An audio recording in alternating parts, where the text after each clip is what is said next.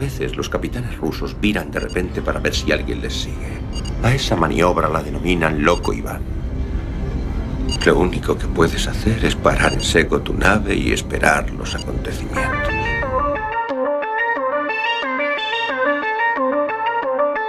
Galasphere 347 of Space Patrol calling unidentified ship. Good night,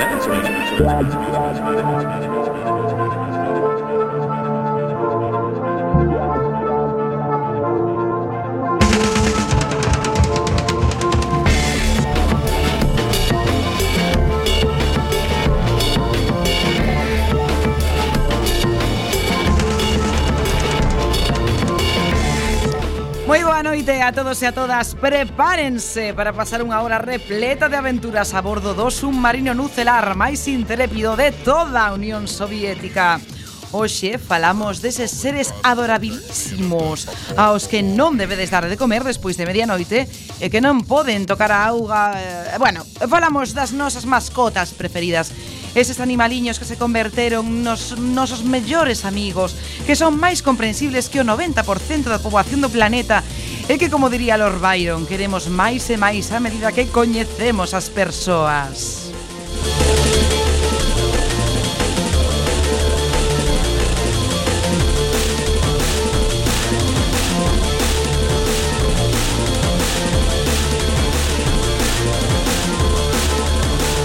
Esta noite, como sempre, contaremos con música, novas, relatos e ademais entrevistaremos a unha experta en adestramento de cans de rescate. E todo isto non sería posible sen o señor Bugalov na sala de máquinas.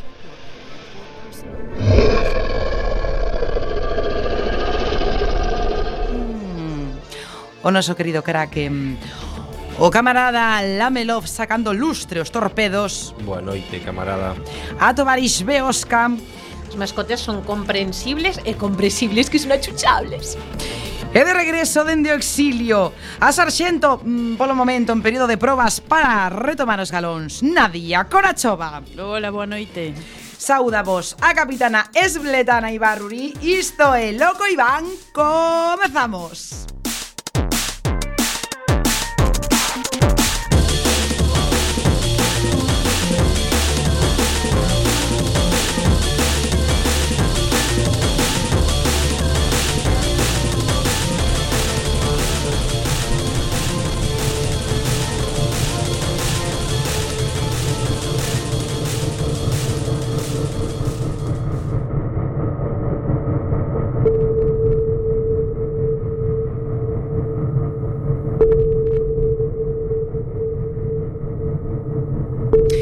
semana repleta de novas arrepiantes, por exemplo, que acabou eh, a serie Fariña e non sabemos que vamos facer os mércores.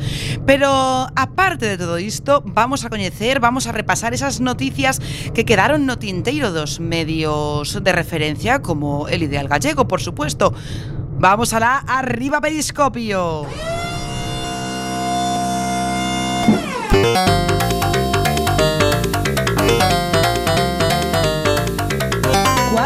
FM. Loco Iván. Periscopio.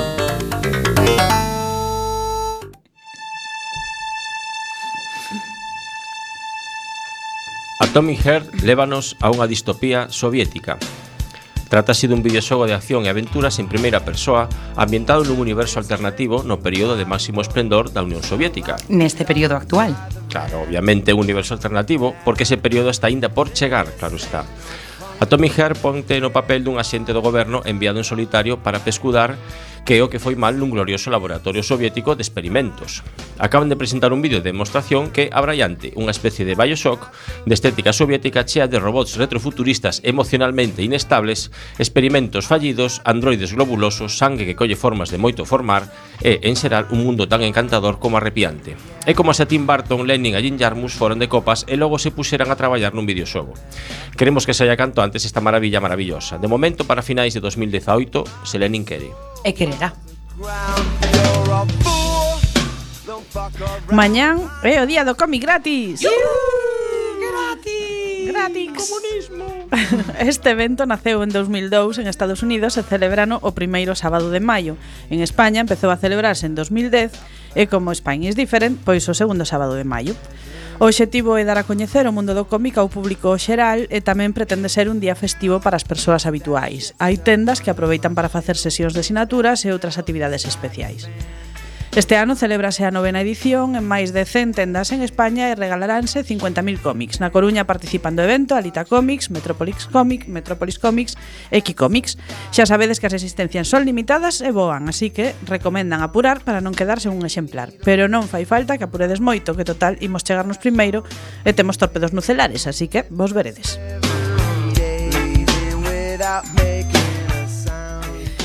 Steam Link permitiranos xogar os nosos xogos de Steam en iOS e Android. Valve anunciou no seu Politburo o lanzamento dunha nova aplicación Steam Link que nos permitirá gozar dos nosos videoxogos dispoñibles na biblioteca de Steam en dispositivos Android e en esa cousa chamada iOS. Chegará o 21 de maio de Gratiñán estendendo Steam a outras plataformas xunto a outros sistemas como o receptor Steam Link. Este servizo axudaranos a levar a nosa colección de videoxogos grazas a unha aplicación pensada para Android. Co lanzamento da app podemos acceder a Steam desde os nosos teléfonos, televisións ou tablets de válvulas sempre que estean conectados a través dunha rede de 5 GHz ou teñan unha conexión por cable usando un ordeñador. Esta aplicación tamén será compatible co Steam Controller, mandos MFI e outros trebellos infernais.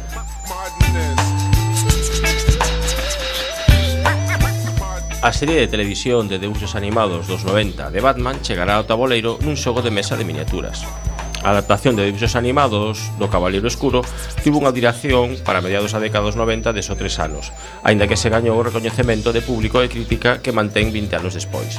A serie de Batman foi adaptada a xogos de mesa de cartas en anteriores ocasións, incluindo o party game de deducción Almost Goat I Am, que foi publicado ano pasado, pero parece que a próxima adaptación será a máis grande ata agora.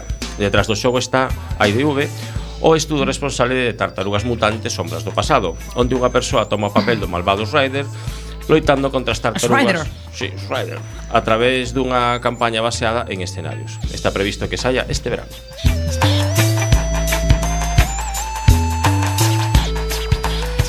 Este luns comeza Paint of Science. Non hai mellor cousa para combater as magufadas que a ciencia. E se a acompañamos cunha pinta de boa cervexa de verdade, pois moito mellor. Claro que a gloria sería acompañalo todo con vodka, pero non se pode ter todo. Paint of Science 2018 é o festival de divulgación científica que propone un encontro entre os investigadores e o público nos bares, os mellores sitios do mundo despois deste submarino. E chega os días 14, 15 e 16 de maio a Coruña, coa colaboración dos Museos Científicos e a Universidade da Coruña, acollendo oito encontros que terán lugar na gloriosa Cervezoteca Malte. Sí! Yes! Uh! Na consentida. No, coñezo bien. e na non menos gloriosa Caneca Furada. Yeah! cerveza, ciencia, mm, coñecemento, que máis se pode pedir? It gets so Terry Gilliam di que estará, di que estará en Cannes para presentar a súa última película.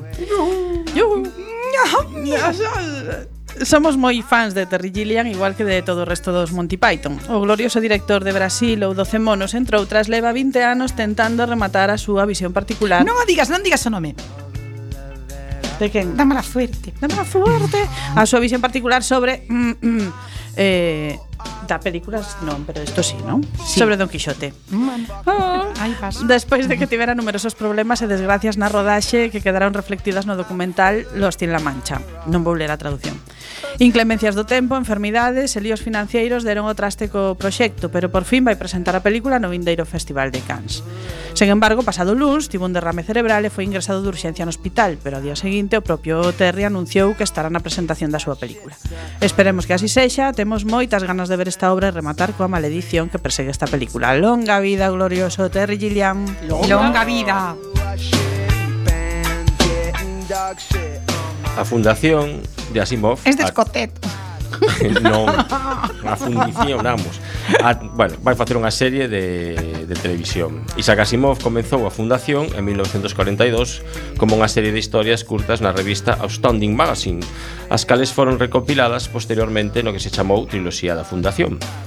A saga ambientase uns 22.000 22 anos no futuro, cando o Imperio Galáctico leva 12.000 anos activo e a raza humana a colonizou a galaxia, aínda que a súa estabilidade está a se ver afectada. O matemático estadista Harry Seldon é o creador da psicohistoria, estudo que permite predicir o futuro baseándose en feitos históricos, o que leva Seldon a calcular que o Imperio vai chegar ao seu fin e que a humanidade tardará 30.000 anos en recuperarse. Apple TV será que producirá a serie que aínda non ten data de emisión.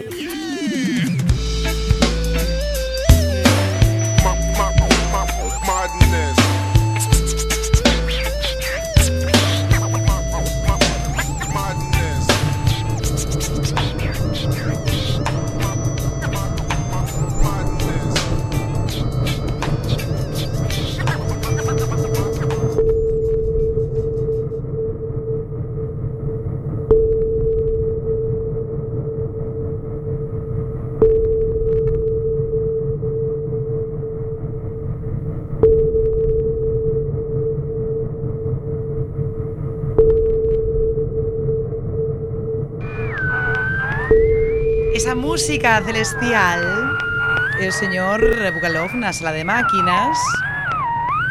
Basta. Ah, tanto, non sei se tan celestial, pero bueno, vale. Bueno, e que a min todo me recorda os ceremín soviéticos. É o que fan os aparellos estes Ai. que... Que nos trae hoxe? Me atrevería a, a suxerir el Fari con el torito guapo? Eh, non. Bueno. Non. Foi un intento. Non, porque non quero facer apoloxía do maltrato de animais. É certo, El gato que está triste e azul de tampouco, Roberto Carlos. Porque tampouco quero facer apoloxía da depresión dos animais. Bueno, Mm. Entón, eu estou a favor de que os animais se reivindiquen a sí mesmos. É verdad. Claro, entón hai un libro, hai un libro, un porro, un disco na historia da música que se chama uh, Sons de mascotas de animais como ah". Sí, chamase Pet Sounds Ademais son dos mellores non, Dos cen mellores, polo menos Segundo consenso habitual E o interpretaban cinco animais Así, cinco animalitos eh, Californianos, eles eh, mm. Que ademais están emparentados entre sí o sea, un rollo endogámico. Os Borbóns. Sí, sí, igualiño, o sea, igualiño pero con tapas de surf Ah, eh, eh, con coches, coches de tapas de nos, surf. Non se matan entre eles. Os borbóns surfeiros eh, atacan de novo. Si se matan entre eles. Es, es bueno, os borbóns surfeiros estes... deben morir. Unha... No! no, no, no. bueno, vou poñer a cancionciña antes de que antes de que chegue alguén da Audiencia Nacional, vale? Eh, son os Beach Boys, eh, o, o seu disco Pet Sounds. Eh, esta é unha canción ao, ao azar do disco. Por suposto. Bueno, non é azar, este, tamén non é azar exactamente. É unha canción que vai da historia dunha historia de navegación. Entón, como nos estamos nun submarino soviético, que ben pois traído, pois, que ben traído. Pois, ala, es Loop John B, vale? Chao. We come on this loop, John B. My grandfather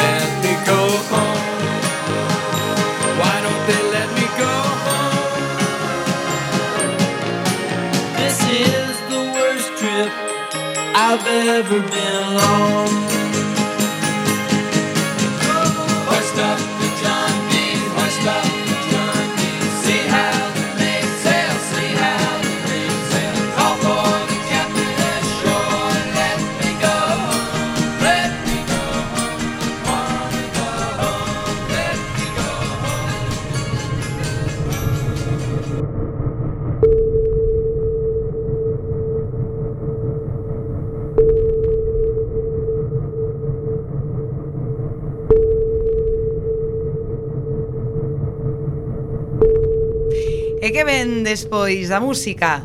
Ir á biblioteca. Vamos ver como se abre esa porta peideira. Fantástico.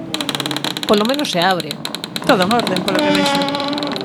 Está Todo perfecta. igual. eh. Cada vez a vexo mellor. Bueno, eh, como sempre, mm, sempre teño aquí o, o camarada Esmendrellev que hoxe non está, está dura, foi duramente reprendido porque outro día atreveuse a mirarme os ollos. e non.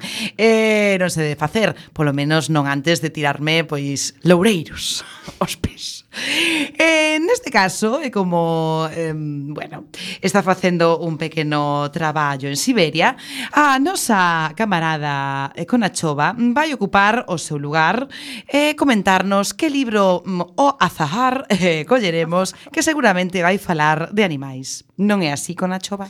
Eh, seica, seica, sí. Mm, podo comentar o Pode comentar, pode comentar. Ben, pois eh, vou comentar primeiro de quen é o libro, máis que eh, decir sí, o libro. É necesario. É necesario. É non, pois vamos a ver como este señor que se chama Gerald Darrell, que é irmá pequeno do Premio Nobel de Literatura Lawrence Darrell, eh, pero que a súa obra de, de entre un e outro pois difiren tanto, tanto en temática como en intención. Efectivamente, preferimos a Gerald. Uh -huh. Gerald Darrell foi un grande amante da natureza e os animais desde moi pequeniño, acabou traballando viaxando polo mundo para cazar animais vivos para zoolóxicos. Pero a súa idea dun zoo tiraba máis pola conservación que pola exhibición, así que acabou fundando o seu propio zoo en Jersey, para levar especies en perigo de extinción, de feito eh, o seu símbolo é o dodo, eh, criálas e devolvelas ao seu lugar de orixe. Empezou a escribir libros para axudar a manter o zoo e en todos eles aparece o, o contacto por se queres asociarte á asociación. Os libros de Gerald Darrell son moi interesantes e exóticos contando as súas viaxes en busca de animais e tremendamente divertidos e sarcásticos. A súa triloxía máis famosa, porén, non vai sobre isto, senón sobre a súa vida sendo un rapaz na illa de Corfú coa súa familia que incluso se fixeron películas e series sobre sobre ela. Era a miña familia e outros animais. Uh -huh. Entre. Entre. E hoxe temos Temos un extracto de, do conto Esmeralda, do que Darrell de viaxe na rexión de Perigor en Francia, topase cunha sorpresa estando de picnic nun bosque. Pois vamos con Esmeralda.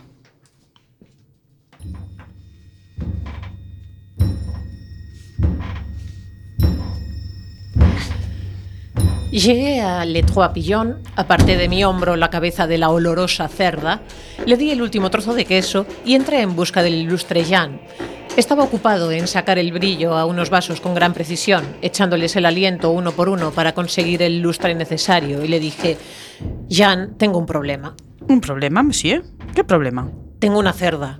Monsieur, ha comprado unha cerda? No, no la he comprado, la tengo. Estaba sentado en el bosque, comiendo el almuerzo, cuando de pronto apareció una cerda que se ofrecía a compartir la comida conmigo. Creo que se trata de una cerda rara, porque no solo le apasiona el queso de Roquefort, sino que lleva un collar de oro y huele mucho a perfume. El vaso que estaba limpiando Jan se le resbaló entre los dedos y cayó al suelo, rompiéndose en una multitud de fragmentos. Mon dieu, ¿tiene usted Esmeralda? No sé, No lleva una placa en el collar, pero no puede haber trotando por ahí muchos cerdos que correspondan a esa descripción, de forma que supongo que debe de ser Esmeralda. ¿A quién pertenece? A Monsieur Claude. Mon dieu, si la ha perdido se va a volver loco. ¿Dónde está? En mi coche terminándose una loncha del Roquefort.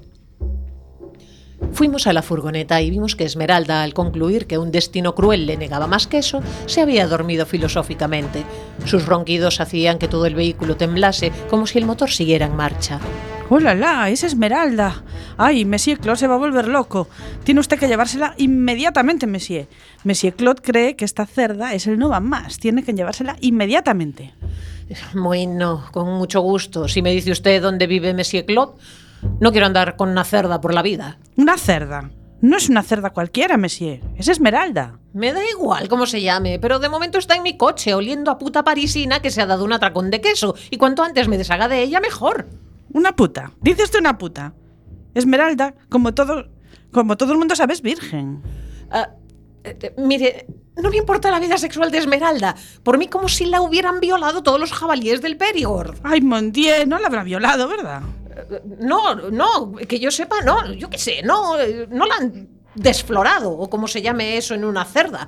En todo caso, haría falta un jabalí especialmente lascivo y sin sentido del olfato para violar a una cerda que huele igual que una puta cara el sábado por la noche. Por favor, por favor. Monsieur, no diga usted esas cosas, sobre todo delante de Monsieur Claude. La trata con la misma veneración con la que trataría usted a una santa. Estaba a punto de decir algo irreverente acerca de Santa Margarida de los cerdos, pero me contuve, pues era evidente que Jean se tomaba todo aquello muy en serio. Eh, mire, Jean, si Monsieur Claude ha perdido a Esmeralda estará preocupado, ¿no? ¿Preocupado? ¿Preocupado? Debe estar enloquecido. Pues entonces cuanto antes le devuelva a Esmeralda, mejor. A ver, ¿dónde vive? Y así conseguí llegar. En cuanto apagué el motor, pude oír por encima de los ronquidos de Esmeralda una extraña cacofonía que procedía de la casa. Gritos, rugidos, chillidos, llantos y gemidos, y rechinar general de dientes. Supuse, y luego vi que tenía razón, que la desaparición de Esmeralda no había pasado inadvertida.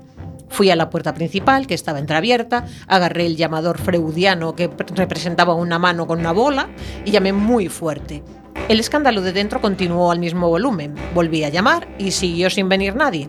Agarré con decisión el llamador y golpeé la puerta con tal ferocidad que temí se saliera de sus goznes. Durante un momento cesó el griterío en el interior y al cabo de un momento abrió la puerta una de las jóvenes más bellas que he visto en mi vida. Tenía la melena despeinada, pero eso no hacía sino darle más encanto, pues era de ese intenso color crepúsculo que toda hoja otoñal intenta lograr y raras veces consigue.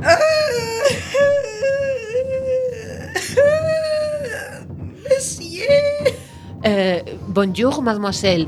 ¿Podría ver a Monsieur Claude, por favor? Si Claude está indispuesto, no puede ver a nadie.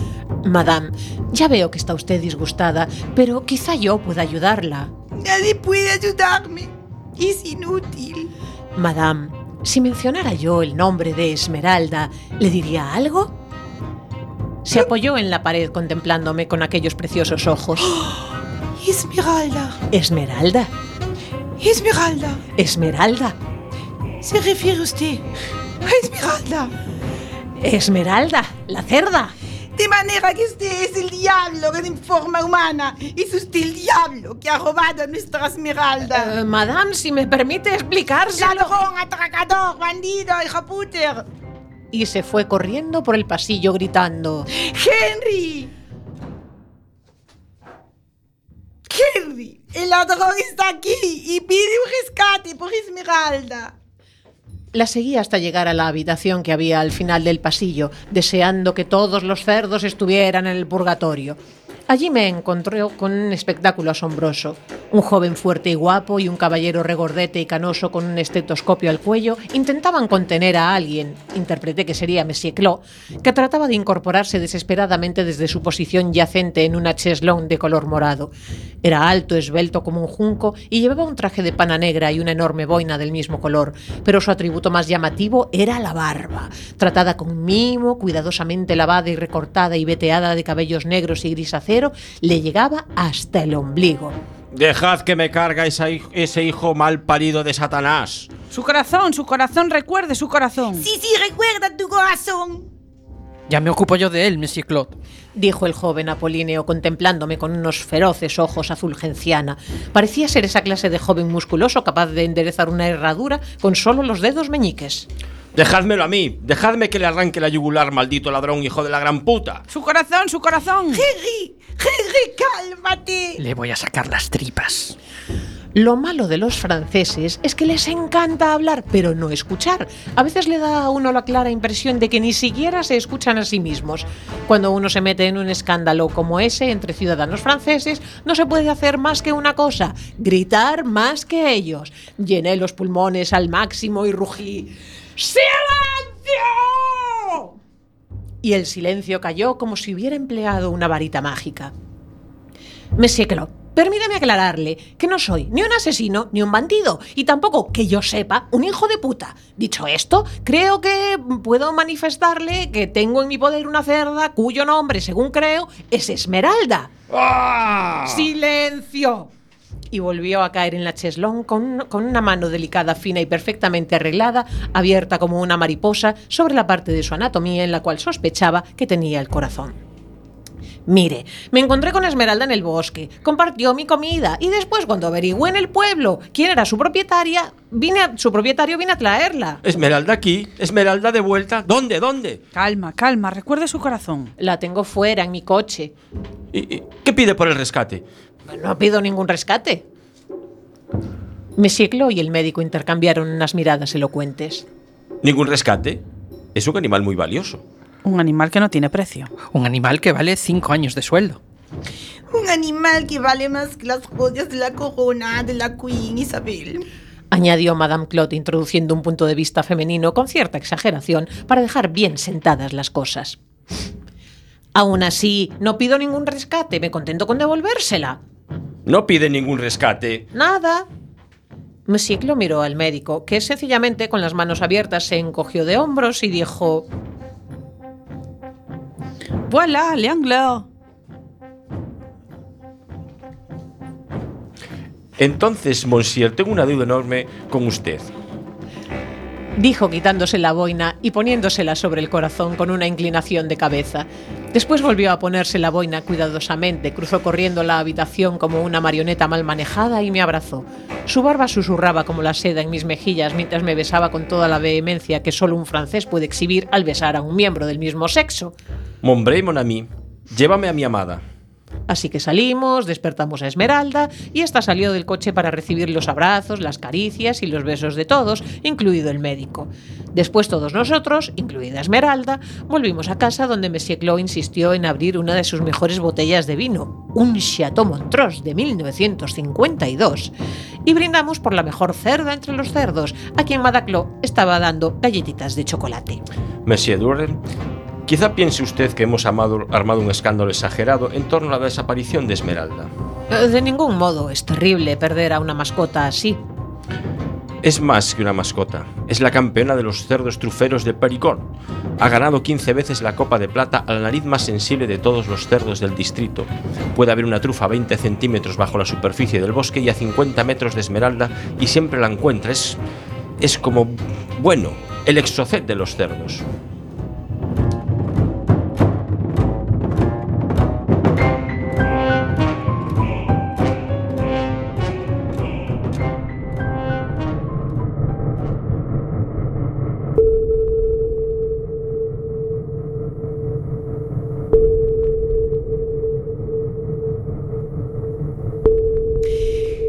despois do relato. Esta noite abrimos a escotilla do submarino. E esa escotilla do submarino que tampouco é o mellor que temos no submarino. Falamos de mascotas, E temos con nós unha experta no adestramento de cans neste caso de rescate e Patricia Suárez, eh, membro do grupo de emerxencias da Estrada e unha das integrantes do xa extinto grupo de cans de rescate que había neste concello que foi, chegou a ser unha referencia en todo o país e do que ainda nos acordamos moito. Eh, Patricia, moi boa noite. Hola, boas noites. Bueno, nos aquí neste submarino creemos que os cans, dende logo, Non é que poidan chegar, é que por defecto son bastante heróis xa eles por, por aturar as persoas. Pero eh, contanos exactamente que é o que fai un can de rescate. Bueno, pois eh, nos empezamos con eles desde cachorriños, desde que nacen, eh, están ca mamá na camada, xa empezan a ser un can de rescate. Unha vez que empezamos a, a escoller da camada o cachorro, xa se empeza un traballo un traballo con el. Eh, a partir de aí, pois, é un can de, de rescate. Eh, requiere moitísimas horas de traballo con el. Eh, desde que sale da camada con dos mesiños, tocalle traballo diario. Eh, dende que se levanta hasta que anoitece. Todo é traballo orientado hacia, hacia a búsqueda de persoas desaparecidas. Bueno, xa que non é ningún chollo que do que ser un can de rescate, creo eu. Moito, moito traballiño. Eh, vos tiñades o, o grupo de cans de rescate que era, vamos, unha referencia eh, en, en todo o Estado español contanos un pouco en que casos ou, eh, ou en que chegachedes a, a intervir eh, eh, bueno, cos, cos vosos cans? Bueno, o grupo de cans eh, empezou a andar no ano 97, en 1997. Eh, no ano 99, eh, os membros que estaban daquela, que eh, eu naquel tempo ainda non estaba, foron a Turquía, un dos terremotos que Ajá. houbera grande ali, foi a primeira gran intervención que tuvo o grupo. A partir de aí, pois, o grupo foi avanzando, foronse conocendo máis grupos eh, a nivel español, outras formas diferentes de traballar, que ao final colles cosiñas duns doutros, e cos anos vas millorando. Eh, a partir de aí, pois, moitísimas intervencións reales aquí en, en Galicia, sobre todo, temos unha unha bueno, unha edad moi avanzada na, na poboación, Ajá. Eh, é moi fácil con enfermedades como Alzheimer ou mm. demencia senil que a maioría dos casos son en traballo de persoas maiores que desaparecen. E, e a partir, bueno, pues de, de ir millorando eh, e, e pertenecer a un equipo oficial de Consellería de Presidencia, pois son situacións reais e, e eso, e, de traballo constante, de querer mellorar, pois prepararnos para probas de homologación a nivel internacional, a nivel nacional, eh, e ir pouquiño a pouco pois dando fruto que é un traballo diario, constante. Patricia, cales son os... Non sei se hai algunha raza ou non eh, eh que, que sean cans especies de, de rescate. No, a ver, eh, nós o que buscamos é unha, unhas certas cualidades no, no can, que sí que hai razas máis máis máis propensas, non sí, ao rescate. máis propensas ao rescate, sí, polas cualidades que poida ter ese, ese tipo de can. No No noso grupo eh, temos labradores, golden retriever, o pastor belga malinois, que é unha das razas que a nivel actual eh, que máis está, se están empregando, pero, bueno, pastores alemáns, eh, sabemos de compañeiros de, pan, de cans recollidos na, na calle eh, ten que ter certas cualidades, ser un can sociable, que non sexa aprensivo por, por nada, eh, que non se asuste, que sexa activo, sobre todo que teña un bo instinto de presa, porque ao final, ao fin e ao cabo, isto é un xogo. El fai un traballo e nos recompensámolo con, con un xoguete, con un xoguete, con un mimo, con, con a súa comida diaria, eh, ten que ser un can seguro, eh, non sei, que teña un, un comportamento curioso, que lle chame a atención pois novas situacións, que non teña medo a, a esas situacións novas, nin a ruidos, nin, nin a xente. Eh, por eso que non, non ten por que ser unha raza en concreto, pero sí que despois eh, dentro das razas o pastor belga que che nombrei antes de da especie o da, sí, o pastor belga, da parte sí. o malinois sobre todo, que é o que máis se emprega eh, pois é un can que aprende super rápido, pero así como aprende super rápido bo tamén aprende, aprende o malo. Bueno, porque os listos somos así, aprendemos. Exactamente. Eh, de feito, eh, o comentaba agora o, o señor Bugalov, que está aí na, na sala de máquinas, que recentemente, de feito, a, saíron moitas noticias sobre, bueno, pois como determinados cans, como mellor teñen que ter, eh, pois unhas donas, eh, pois, non sei, determinadas, eh, ou que teñen unhas características determinadas, logo hai moito abandono, non? E falaban hai anos do caso dos huskies siberianos, eh, de feito, feito saían hai pouco noticias sobre, bueno, pois moita xente que estaba comprando agora ou adquirindo este este pastor belga ou malinois e que, bueno, pois non non se facía con eles e que lamentablemente se estaban dando moitos casos de de abandonos desta desta raza. Exactamente. Eh, tamén ti que ver nas cualidades do can o teu carácter. Eh, o pastor belga malinois é un can con moitísimo carácter, eh, se ti eres moi blando, Ao final, eh, el o que vai a intentar pasar por encima túa. Uh -huh. eh, por exemplo, eu, por exemplo, eu fun, eu teño labradores, ou, son unha persona con carácter, pero non o suficiente como para eh, que ese can me respete. Ao fin e ao cabo, tens que ser ti quen manda sobre el. E se non eres capaz de ter ese, ese senio para dicir, oye, hasta aquí, eh, son eu quen manda, pois o can ao final vai facer o que lle dá gana, e claro, non o das manexado. Por eso hai moito casos ahora de abandono de xente que comprou ese tipo de raza porque mm, está moi de moda e resulta que despois eh, din que o can é o malo, pero uh -huh. Mm, se ten un mal guía, o can vai ser como como se o guía, se eh, ten un bo guía, o can vai a chegar a funcionar. No rescate igual, tes que adaptar o can tamén a, a como eu guía. Eh, ora, boa noite, Patricia, son Nadia Conachova, xefa de seguridade daqui do, do submarino e, e sobre isto te iba a preguntar un pouco sobre a importancia que teñen as tal e como viven non? os cans de rescate e, e que importancia teñen as persoas que os acompañan non? un pouco porque viven sempre non? Con, vinculados a, a, as persoas que, que, que, que os adestran e que están con eles e con eles e te iba a preguntar un pouco pois, pues, a, a importancia que teñen non? esa relación entre, entre cada can e a súa persoa adestradora. Claro, eh, no noso caso, a ver, eh, na casa se comparte ese can con máis xente a, a vida diaria, eh, esa xente ten que ter claro que é un can de traballo, non é un can de, de compañía como pode ser outro que o sacas a pasear, non, ten que ter claro que o seu guía é un, solo manda uh -huh. un sobre el, eh, non se pode estar falando constantemente con el, eh, mm. non pode ter os xoguetes, por exemplo, todo o día con el, porque ao final eh, ti cando vas a entrenar e cando vas a adestrar con el, eh, ese é o seu premio.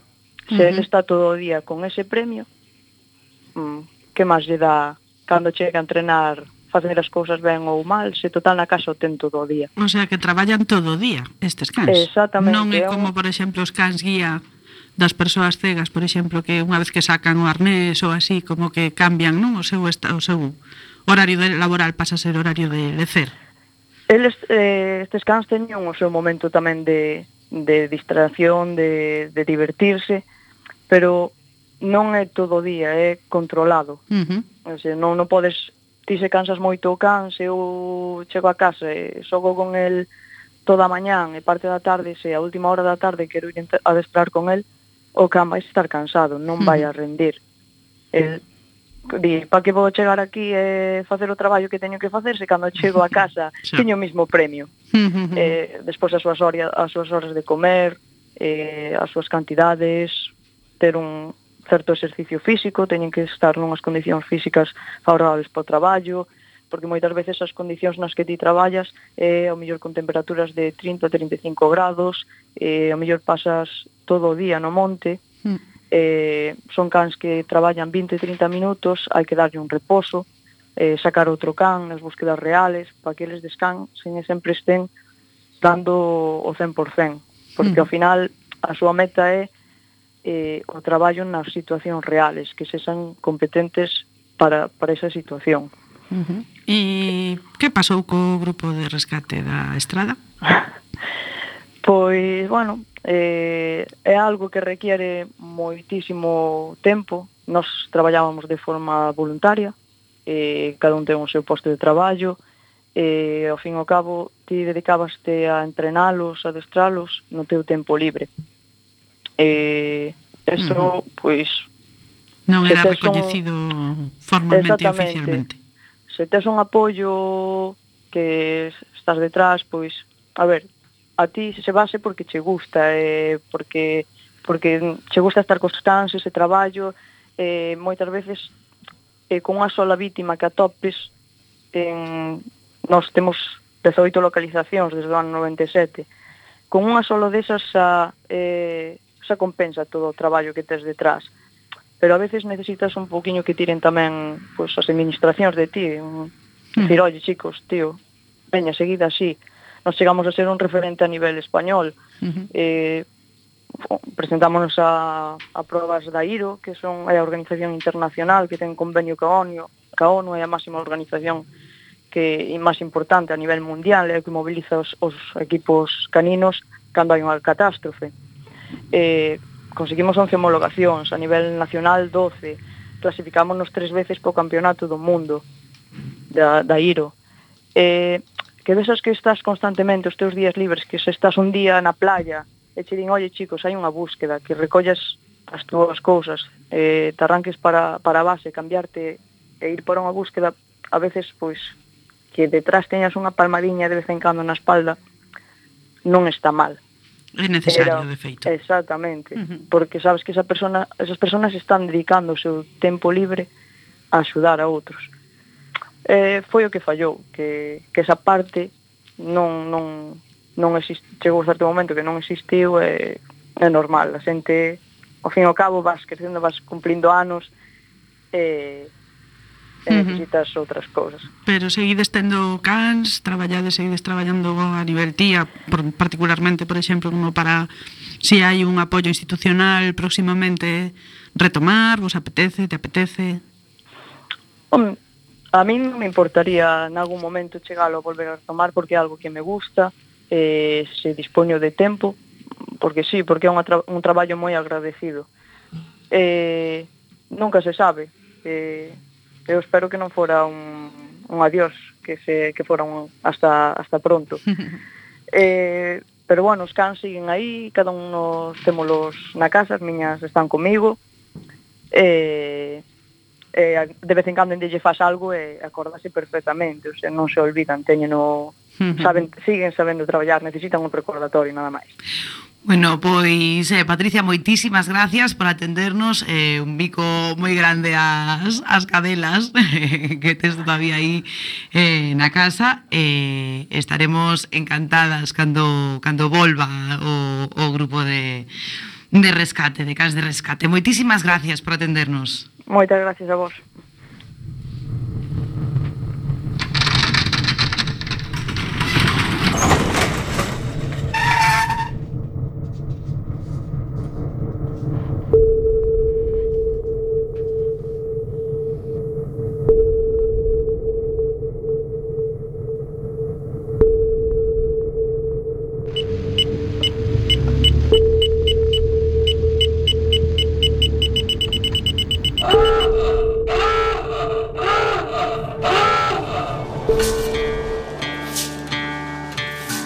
estamos raudos eh, e cara, inver, cara inmersión porque temos máis eh, cousas que recordar, películas, series eh, sobre animais, sobre mascotas contanos.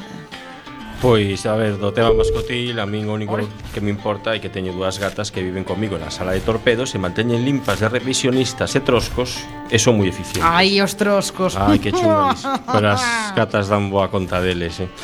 Do resto, pois, algunha cousa que mola, como o glorioso hámster de Minsk, Bubu, que podía arrincarche os ollos en que te decatases, ou, por suposto, a gloriosa laica, o primeiro ser vivo no espazo que Lenin teña na súa gloria. Aí nos sobramos con laica, pero bueno. Sí, bueno, logo tamén, bueno, Robin, que pode ser mascota de Batman, pero xa falamos dos supermierdes, así que non toca volver a incidir. Pero se para variar vou falar de cousas que non lle interesan a ninguén. Por suposto. Atari Kobayashi, secuestraste de forma heroica un avión turbohélice Junior XJ750. ¡Vene, vene! Y lo pilotaste hasta la isla para buscar a tu perro. Vaya. Estoy loca por ti. Pois si, sí, estaba loca por el... Non sei se é a primeira vez que falo de algo deste século, o 20. Pode pero, ser, eh? Pode, non sei, non lembro ben, pero é que a nova película de Wes Anderson mola moito e está agora mesmo nas salas de cines dos principais submarinos da gloriosa Mariña Soviética. Trátase da Illa dos Cans, que é unha distopía de animación ambientada en Xapón. Atención, porque de feito pode ser a primeira vez que falas non sen criticar nin eh, sí. eh, votar cando dicimos Xapón. Sí, porque está ambientada en Xapón, pero non é xaponesa, vale? Ah, está ambientada bueno. na cidade de Nagasaki, que sabedes que é unha das miñas favoritas, onde por unha epidemia de gripe de gripe canina, todos os cans da cidade son levados, bueno, a unha que tamén é un vertedoiro de lixo que está totalmente deshabitada. A esa illa son levados cinco perros que coinciden cun rapaz e o que perdeu a seu mellor amigo, o seu cadilo, a seu cadilo spot, pois que foi levado a illa e consegue chegar ali para tentar atopalo e levalo de volta a casa. A acción do rapaz acaba por xenerar pois, un movimento social popular na cidade de Nagasaki en apoio pois, ao rapaz e ao seu can. A película conta con voces de actores e actrices de renome, pero na versión original, claro, aquí serán actores de, de Brasil. Entre elas Edward Norton, Scarlett Johansson ou Bill Murray. Home. Pois non está nada mal, Nada verdad? mal. Wes Anderson pois é o típico tipiño ao que amas ou odias. A verdade é que a min non me cae de todo mal. É peculiar, é viste raro, non? Mais ou menos, bueno, pois en fin. Como a capitana. Sí, pero nada soviético. A mm. capitana mm. ten un estilo máis soviético, ele é así sí, un poquinho sí. menos, bueno, máis un pouco máis socialdemócrata, pero mm. en fin. O que ten é moito talento, na miña opinión, bueno. A estética de Aia dos Cans é maravillosa e a historia é unha comedia chea de momentos pois, hilarantes, como a das comedias. Ainda que en si sí mesma pues, non é tampouco unha obra mestra, pero bueno, non, non está mal. Polo menos é diferente ao estilo habitual de Disney e Pixar. Ademais de que o stop motion, que é o estilo, bueno, este que meteu Ray Harryhausen no cine, pois a verdade é que mola moito, non? Eh, non quero contar moito máis, pero é recomendable para a rapazada e tamén para a xente adulta Ainda que eu creo que non encaixo ningunha das dúas categorías. Non, ni sequera na humana. Non, eso eh, creo que non, pero bueno.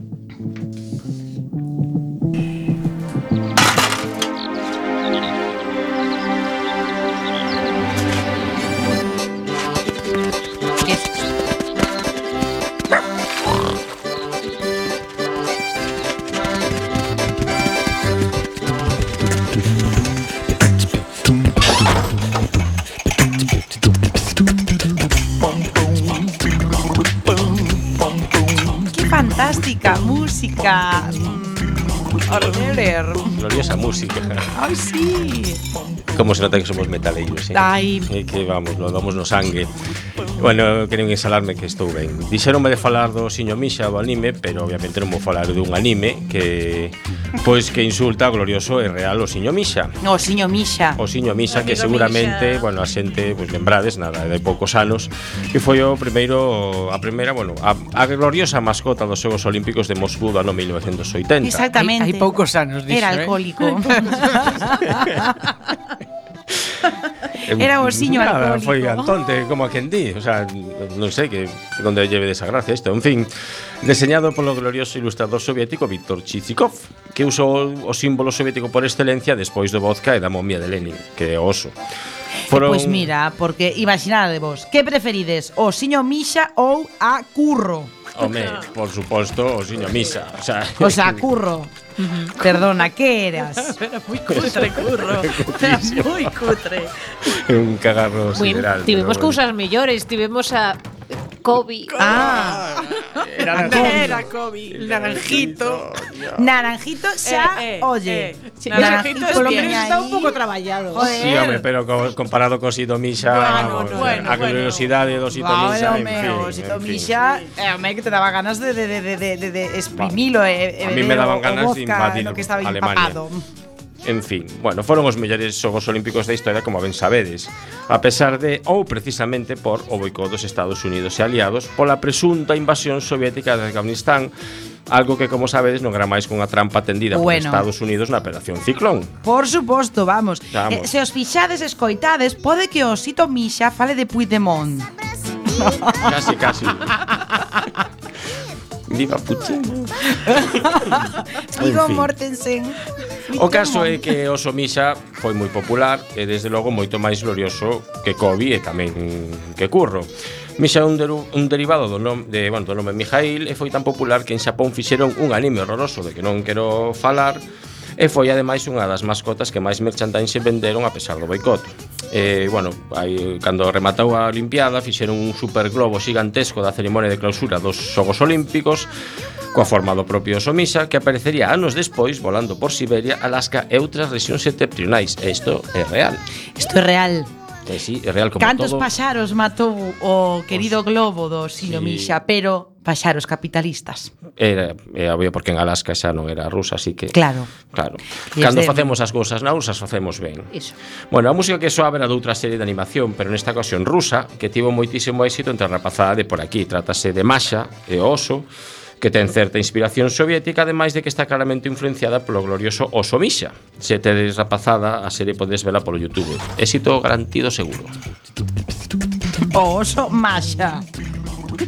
O sea, en serio. Éxito. Masha e Oso. Exitazo seguro.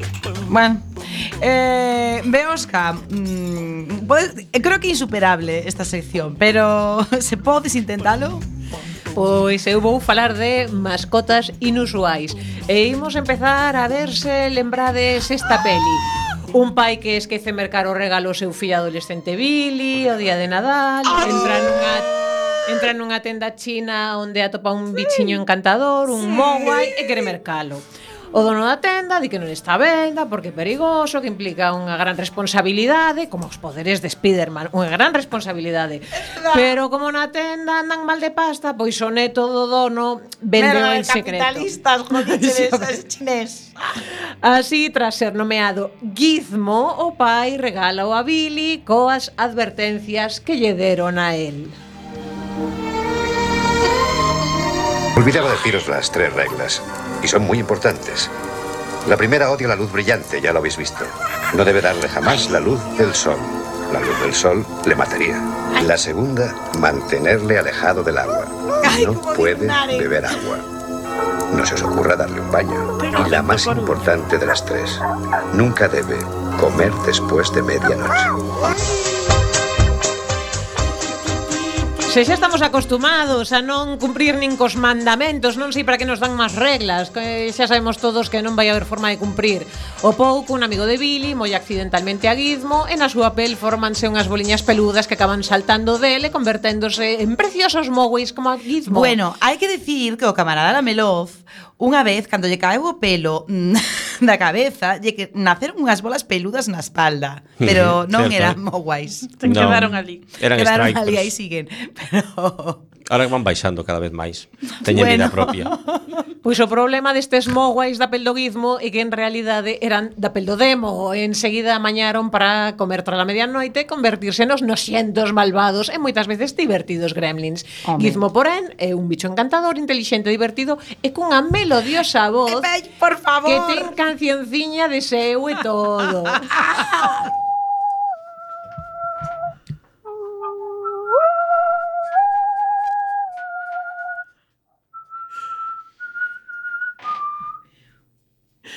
Ah, non podo silbar. A capitana sabe facelo todo. Eh, eh, ah, eh, bravo, bravo. Gracias, gracias. Gracias. Eh, despois disto non sei que me dá pasar ao seguinte corte. Se vende un gorila a usted, gorila, maguila, por no, no lo que sé, es único. De comprar un gorila bien educado. unha mascota do máis sorprendente e invendible, Maguila Gorila, dos debuxos de Hanna Barbera. O señor Pibels, dono dunha tenda de mascotas, nun momento dado, pois decide ter un gorila no escaparate e que vai dar notoriedade á tenda e ademais sacarán uns bons cartos cando a venda. Así acaba ali Maguila, un gorila que viste pantalóns, tirantes, zapatos, paxariña, bombín, moi elegante el, e que a pesar de ser moi boiño, moi inocente, é un auténtico desastre. E os seus plans para agradar e axudar o señor Pibels sempre acaban mal mal. Polo mesmo motivo, cando é vendido, pois non tarda moito en ser devolto a tenda, a tenda. Exactamente tarda un capítulo. A única persoa que adora a Maguila e que planea mercalo en canto poida é a pequena Chispas, unha meniña encantadora que comparte as súas piruletas co gorila e fai ternos intentos por xuntar cartiños para poder mercalo. E de aquí pasamos a eh, outra mascota, esta vez dun cómic eh, neerlandés, creo lembrar, non, non lembro exactamente. Aquí se chamou Bermudillo, el genio de latillo, eh, que Pero que trataba... sí, Bermudillo, el genio del latillo, o sea, Sí. em, de posguerra, ¿qué es esto? Pois mira, trataba dun vagabundo baixiño, canoso, bonachón e con moito sentido do humor que vivía nun mundo ambientado na época medieval pero con maxia. De feito, o seu fardo era máxico e del podía sacar calquera cousa que ah, precisara. un fardo mágico. Mm, pois Bermudillo tamén tiña unha mascota moi especial. Un día fíxose cun novo extraño, o bo abriuse e del saiu un dodo. Sí, xa sabedes, ese animal que viviu nas Illas Mauricio era como unha especie de galiña extraña. E recordade que era eh, do zoo de Gerald Durrell. Sí, eh, oh. efectivamente, o símbolo dali. Eh, ben, pois eh, que Bermudillo atopa este dodo, fanse moi amigos, e viaxan e viven aventuras xuntos e aproveitan para buscar outros dodos, pois evidentemente o ovo tivo que sair de algures, que foi primeiro, o ovo ou o dodo? O dodo de Bermudillo era un bicho moi entrañable e divertido, como o cómic en xeral. E con isto pasamos a outro bicho, que un pouco caliñacio, non, poñer pon ovos. En fin, empezo polo principio. Phineas e Ferb é unha serie de debuxos sobre dous irmáns cunha imaginación e habilidade desbordantes. E, como no verán hai moito tempo libre, pois para non aburrirse cada día fan unha cousa distinta. Non sei, facer unha ponte, loitar contra momias, escalar a Torre Eiffel, descubrir algo que nunca existiu ou bañar un mono con xel. Pois estes irmáns, xunto coa súa iracunda irmá Candance, posúen unha mascota pouco usual, un ornitorrinco. Home. Chamado Perry. Os nenos adoran a súa mascota, aínda que recoñecen que, va, é un ornitorrinco non fai moita cousa. Pero están equivocados, o que non saben é que en realidade Perry ten unha dobre identidade como axente P traballando nunha organización de axentes an, de, eh, de animais domésticos, de, de mascotas, chamada a OSBA, Organización sen un bo acrónimo, e loita contra o mal. O mamífero semiacuático Un peludo de pies planos al que nadie hace temer No es solo hábil O arquiinimigo de Perry é o doutor Doffensmir que sempre trata de apoderarse da cidade pero hai que dicir que bastante chapuzas Espera, imos escoitar o ruido de Perry? Oh. No, era, era... Eh, no, no eh, é unha serie moi divertida. Hai que vela. bueno, Non queda tempo para máis, que nos vamos, que os queremos moito. Vico